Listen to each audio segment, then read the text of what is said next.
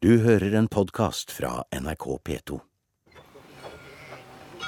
Problemet er å få den til å gå jevnt, og jeg syns jeg drar med samme kraften, men det blir litt ujevnt. Da skal jeg prøve.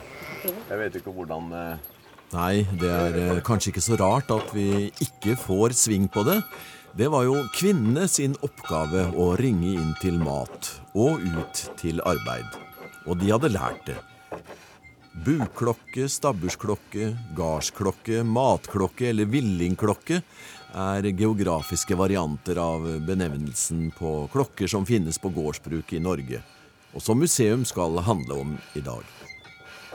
Jeg heter Jan Erik Horgen og har gården Horgen som lokalt heter Hørje. Og i si tid på 80-tallet så hadde vi i historielaget ei registrering av buklokker.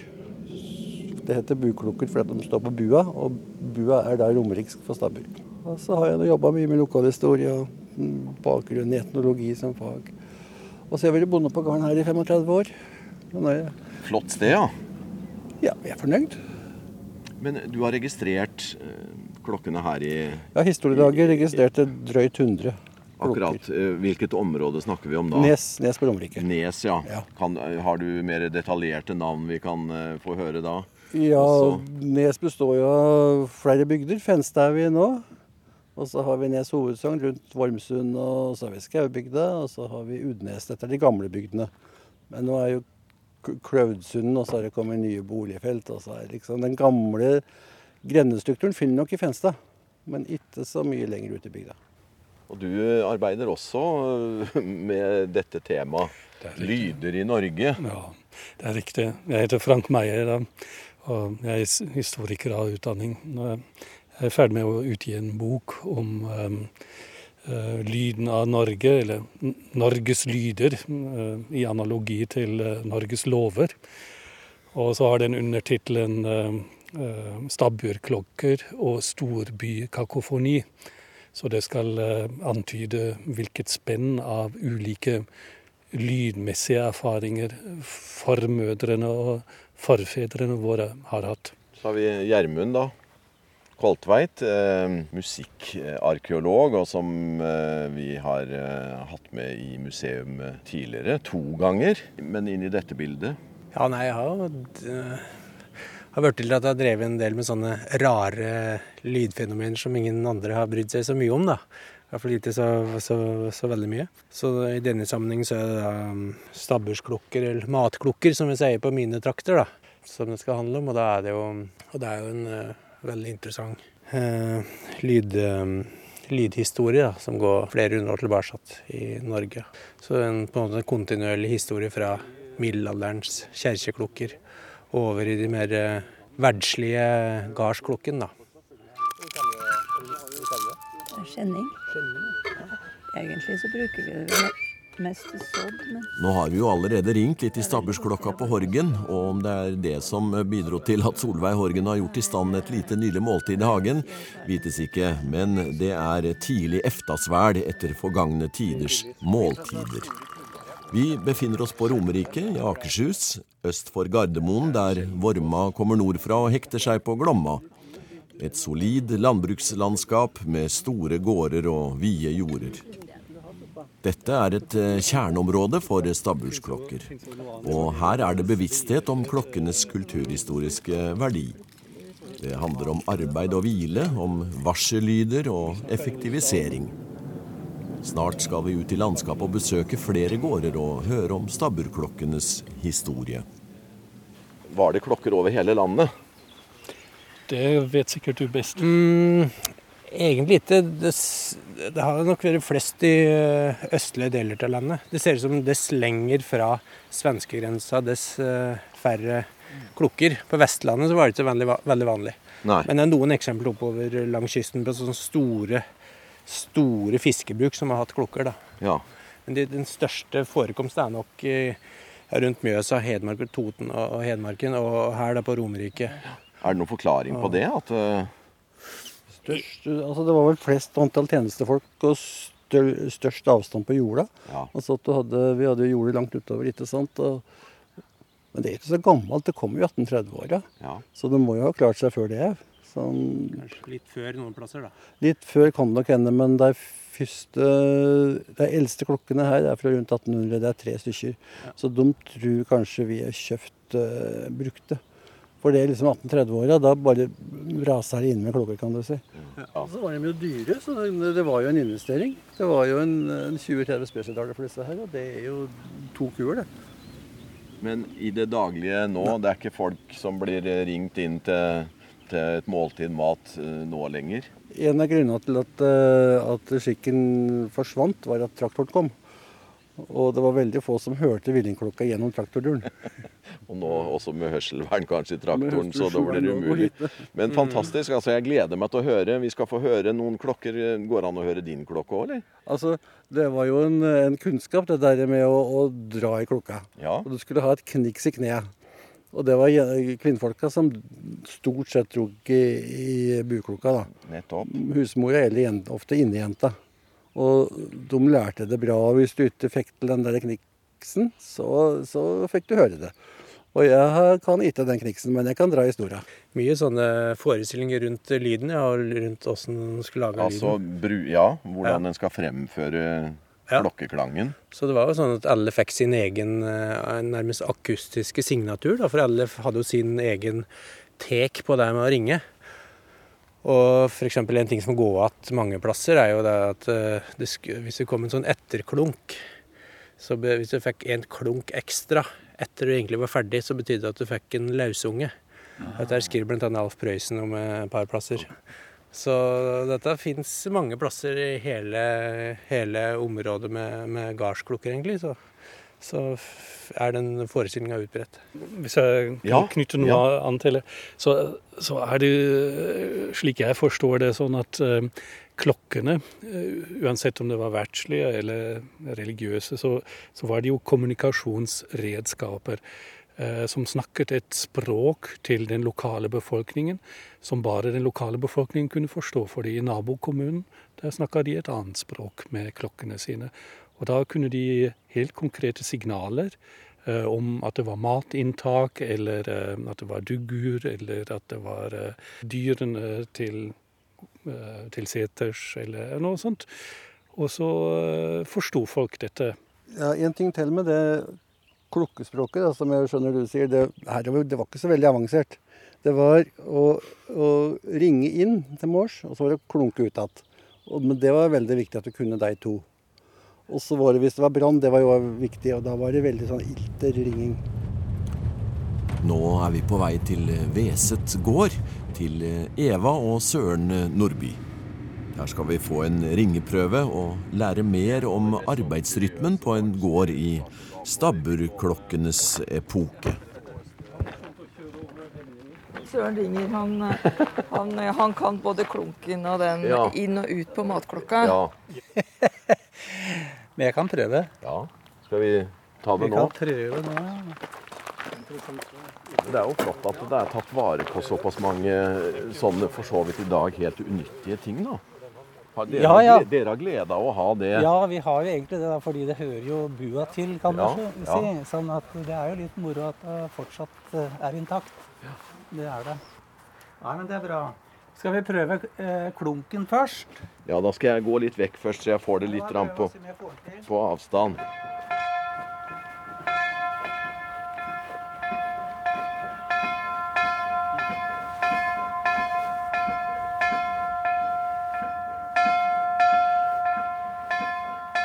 Og klunken, vet noen av dere, hva, hva er det? Klunke ut igjen. Det er klunke ut, ja. Når folk hadde hvilt, så Åh, så den var vel ikke så populær.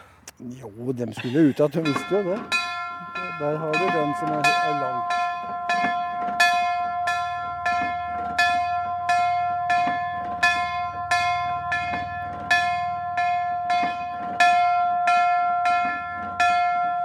Ja, nå så jeg Han hadde forskjellig bevegelsesmønster etter hvert som han klunka. Det er ut av arbeid. Og det siste, det her, der, nå er det nå, Da er det inn. Nå er det inn, ja.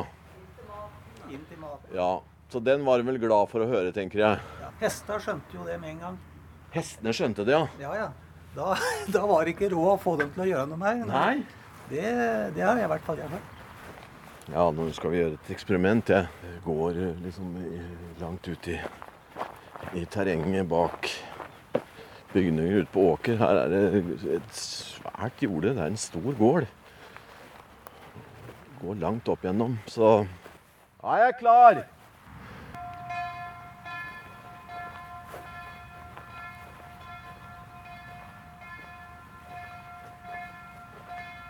Og sånn kunne det kanskje høres ut for dem som var på jorda, eller for eh, folk i området. Vet dere hvem som ringte her, da? Nei, det kan ikke jeg si. Om det var kvinner eller menn? Det var kvinner. Det var kvinner. Kvinner som ringte inn. Og det var en, ei som var fast da, Ja. til å ha den jobben. Og det var vel fordi kvinnene ordna med maten òg, så de visste jo når. Ja, Selv om det var faste tider. ja, det var jo selvfølgelig faste tider, og det har vel sikkert eh, du pratet om, Jan Erik, når de ringte. Så i hvert fall ifølge hun Elsa Bekkedal, så var det ei bestemt dame som hadde, eller hun hadde vel kanskje litt mer å si enn de andre inne på kjøkkenet, som også da tok seg av ringing. Og Elsa hun måtte lære det av henne. Og hun sa det, i hvert fall når jeg prater med henne, og det er ikke så mange dager siden, da sa det at eh, da hun, hun Marie, som da hun het der hun var, eh, når hun hadde ferie, og hun skulle være erstatte henne, da var hun så nervøs første gangen hun skulle ringe, det, for at det ikke skulle bli riktig. Men det, hun hadde sikkert lært det, så det tror jeg gikk veldig bra. Men i hvert fall så viser det at dette var veldig alvor. Ja. Hadde respekt for det. Ja, så det var sikkert eh, Jeg tipper det at kara på jordet hørte veldig forskjell på det hvis det var ei, ei som ikke var vant til å stå dra i klokkestrengen. Da tenker jeg fikk høre det når de kom inn. Sier eh, Søren Nordby. Men hvordan var dagsrytmen på gården den gang? Først om morgenen eh, så jentene var først oppe, måtte vekke kara. Og det var da eh, tidlig sånn med 60, for de skulle ut og fôre hesta. Og da fikk de gjerne litt mat før de, og det kaltes førdugul, eller førdueren. og så, så var det da eh, dueren halv åtte. Og så var det vel eh, middag tolv. Så gikk de ut igjen halv to. Så var det eftasvæl klokka fire. Og det holdt på vel bare en ja, hver sånn halvtime. Og så var det kveldsverden eh, halv åtte. Og det ble ringt inn da, og ut igjen til de periodene. Men førdugeren ble det ikke ringt, for det var så tidlig, så da måtte jentene bort og vekke, så da slapp de å ringe. For kara de måtte ha litt service. Men altså, noen plasser så har det vært snakk om at at eh, eh, folk fikk en liten skarp en liten brennevinsklunk, før de gikk ut på jorda om, eh, om, om morgenen. Og da st- starter de ofte i hvert fall kanskje 4.50 om morgenen. Vet ikke om det var vanlig herover. Det var kanskje bare på Hedmarken, og så luksuriøst. Sånn. Ja, Korn og melk. ja, ja. Gjermund, når begynte de å bruke sånne signaler på gårder her i Norge, da? Altså, det har nok variert litt fra plass til plass. Herover så, så hørte vi vel at det var først på 1800-tallet at det ble vanlig, da. Men eh, kanskje litt før eh, på, på Hedmarken. 1750 kommer de første ringsaker iallfall. Så sånn cirka fra 1750 til 1950 tenker jeg at da, det var perioden for, eh, for matklokker, da. Og det har jo med rasjonalisering i landbruket å gjøre. Og at det skulle gå mer effektivt. Folk skulle komme raskt inn for, for å ete og sånn. Og det, har, det er noe som egentlig starter i, i renessansen, eller i seinmiddelalderen. Skillet mellom, eh, mellom kjerka sin, sin eh, religiøse tid og den verdslige tida, som er mer knyttet til effektivitet og produksjon. Som da spredte seg langsomt utover Europa, fra kanskje sør fra Italia. da som kom hit til Skandinava Skandinavia på 1700-tallet og litt seinere noen plasser. Så, Så så, det er egentlig store sånne historiske, strukturelle ting som ligger bak, og som havner her oppe til slutt, da. ja, det er jo det. Det er jo egentlig Det handler om tid. For folk hadde jo ikke arm, armbåndsur i den tida, så det var jo for å organisere arbeidstida eh, på en effektiv måte. Hadde har med på en måte produksjonsmetoder i landbruket på 1700-tallet for å effektivisere det hele. Markedsorientert Kønneproduksjon. Ja, det var jo eh, det manuelle arbeidet, altså arbeidskraften, eh, som var den viktigste innsatsfaktoren i økonomien på, på den tida. Så å samordne den var jo helt avgjørende for at det skulle være effektiv eh, produksjon. Og det gjelder jo ikke bare eh, klokker, men eh, det gjelder jo også f.eks. Eh, eh, takt, som var i, i arbeidslag. Tenk på skipene, hvor man hadde arbeidssanger som skulle samordne arbeidet. Alle skulle dra i lag i tauet, og da trengte man takt for at det ble mest effektivt. Eller når man tenker på de sangene som slavene på plantasjene sang, så var det eh, også for å samordne arbeidet. Men det hadde også en annen vri. Det var nemlig at eh, hvis alle slo f.eks. ned på stein for å, for å eh, smadre den, så, så uh, var det ingen som uh, kunne komme og piske dem og si at de hadde jobba for sakte.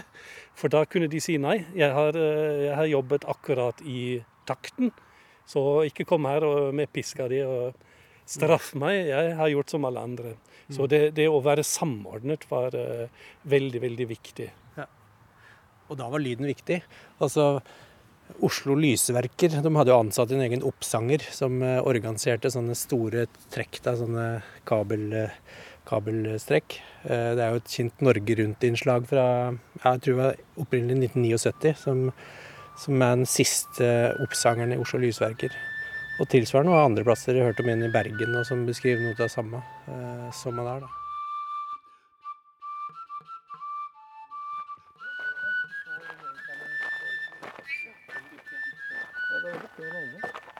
Hvor er vi kommet nå? Nå er det Huser. Huser, ja. Lise Christensen. En av kulturminnebøndene i Fenstad. Ja, Og hun skal da dra i den snora Så flott at det fins noen kulturminnebønder. Nå er jo bønder ofte tradisjonsbærere og vel opptatt av Begge fortida. deler. Begge deler. Begge deler av det. Ja, det heldigvis, holdt jeg på å si. Ja. Men veldig mange er det, altså. Det må jeg si. Der kommer Alice. Ja, hei, Lise. Frank Meyer. Hei, meg. Tusen takk for at vi fikk komme.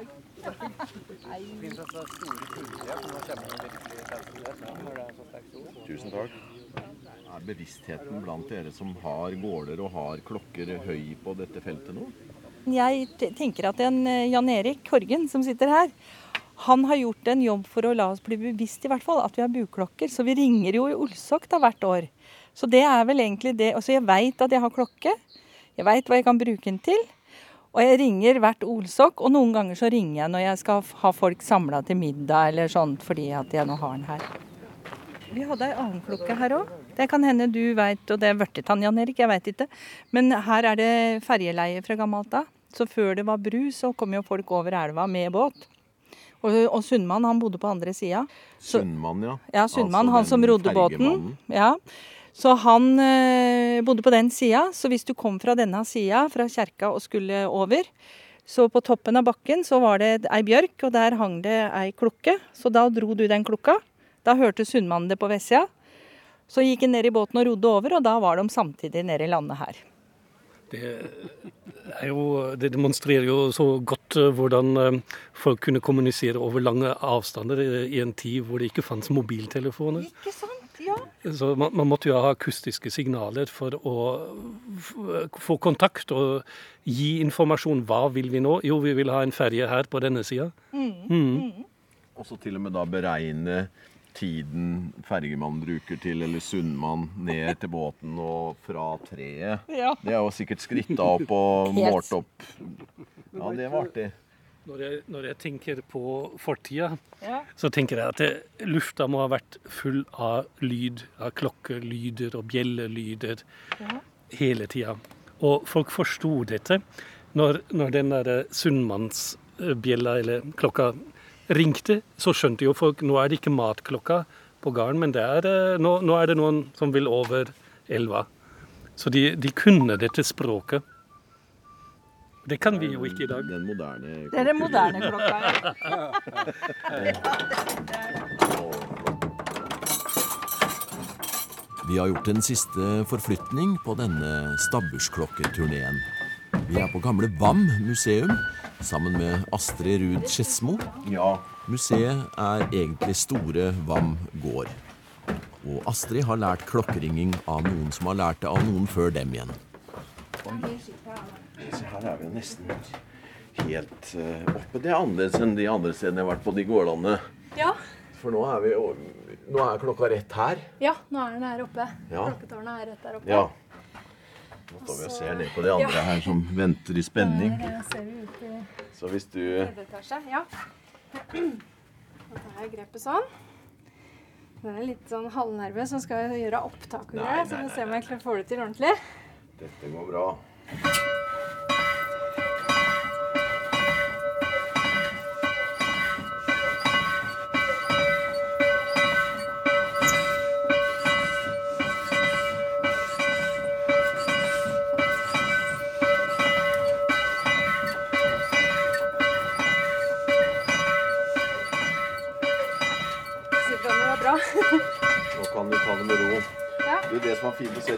Jo en teknikk lært. Du har tydeligvis helt lært det. Det er Og antagelig er det altså. kommet fra generasjoner før òg, da. Ja.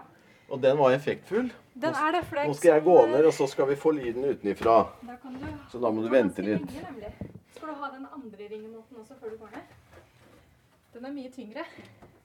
Da tar vi det òg. Klar? Kom igjen.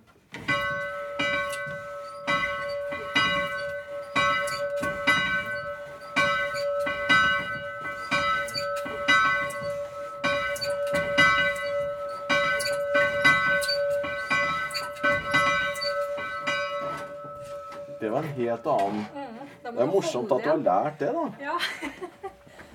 Artig. Du spiller jo et instrument, egentlig. Klokke er jo Du gir meg et signal da, når jeg skal begynne. Jeg skal gjøre det. VAM gamle gård er en virkelig storgård, og klokkesnora befinner seg et par etasjer opp i stabburet. På mindre gårder går snora som regel ned på bakkenivå.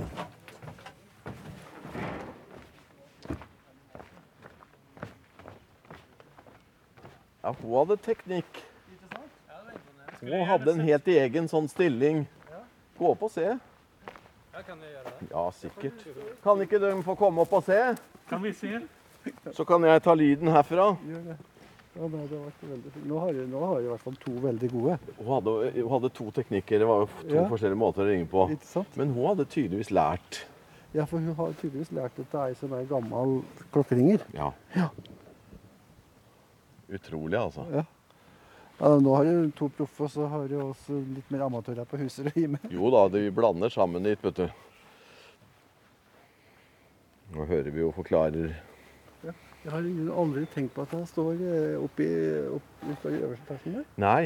Nei, den nummer to. Ja, du er der eh, vinduet er, ja. Ja, det er øver- det er øverste. Kom igjen.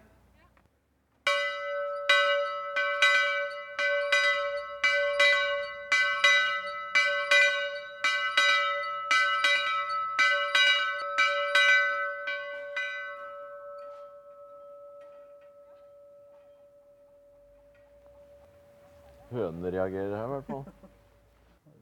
Kan jeg spørre deg noe gjennom vinduet? Eh, eh, hvor, hvor lenge skulle ringte dem for, for hver gang? Vet du det? Det var Astrid Ruud Skedsmo som trakk i klokkesnora på gamle VAM museum. Ja. Da vender vi tilbake til Horgen gård, hvor vi starta dette programmet. Stabbursklokketiden styrte folks hverdag, har vi hørt. Men sjelden helt samtidig på forskjellige gårder, ifølge Jan Erik Horgen. Uh, Bestemora mi var fra nærmeste nabogården. Ja, den vi ser oppå på toppen der. På toppen der, ja. Svær. Hun døde tidlig, men søstrene hennes fortalte jo det. At de hadde Nå husker jeg ikke om det var et kvarter før eller kvarter etter. Så la oss si at de var etter, da. Så når det ringte her nede, så skjønte jo kara der oppe på jordet, og kvinnfolka når de var med ute, at ja, nå var det kvarter igjen. Og de fortalte at eh, når, eh, når de ringte her sånn, så toppa hesta i øra her, men hesta der oppe de brydde seg ikke noe om den ringinga. Nei. Så de venta på at det skulle ringe der. Utrolig så Ja, dyra så dyra skjønte det. Hes- Hesta iallfall. Det kan vel hende den som var ute og jobba og tenkte at åh, nå er det bare et kvarter igjen, så ja, nå? Ja. tar vi det litt piano. Men det var, det var forskjellig tid overalt. og sånn Stasjonstida, da, som var den som klokka på stasjonen viste, som var den som tilsvarte den i Kristiania. Å ja, så det var liksom hovedtida? Det var stasjonstida. Det var, det var den formelle. Og noen følger jo denne, da. Ja. Ja. Prøysen skriver om dette, om at eh, det var forskjellig tid på alle garda. En plass å skrive, beskrive den da. Den, den klokka Jeg husker ikke alle navnene på de garda, men fem-seks garder som hadde forskjellig tid. og Alle hadde full oversikt over tid de ringte. Og Dermed så ble det et ganske stort, langt tidsrom med klokkeringing på, mm, før duggeren, eh, for eksempel. Da. Eh, alle hadde sin, egen tid. Så det fylte nok eh, landskapet ganske, ganske mye på, i de store jordbruksområdene, som her på Romerike og i Hedmarken f.eks.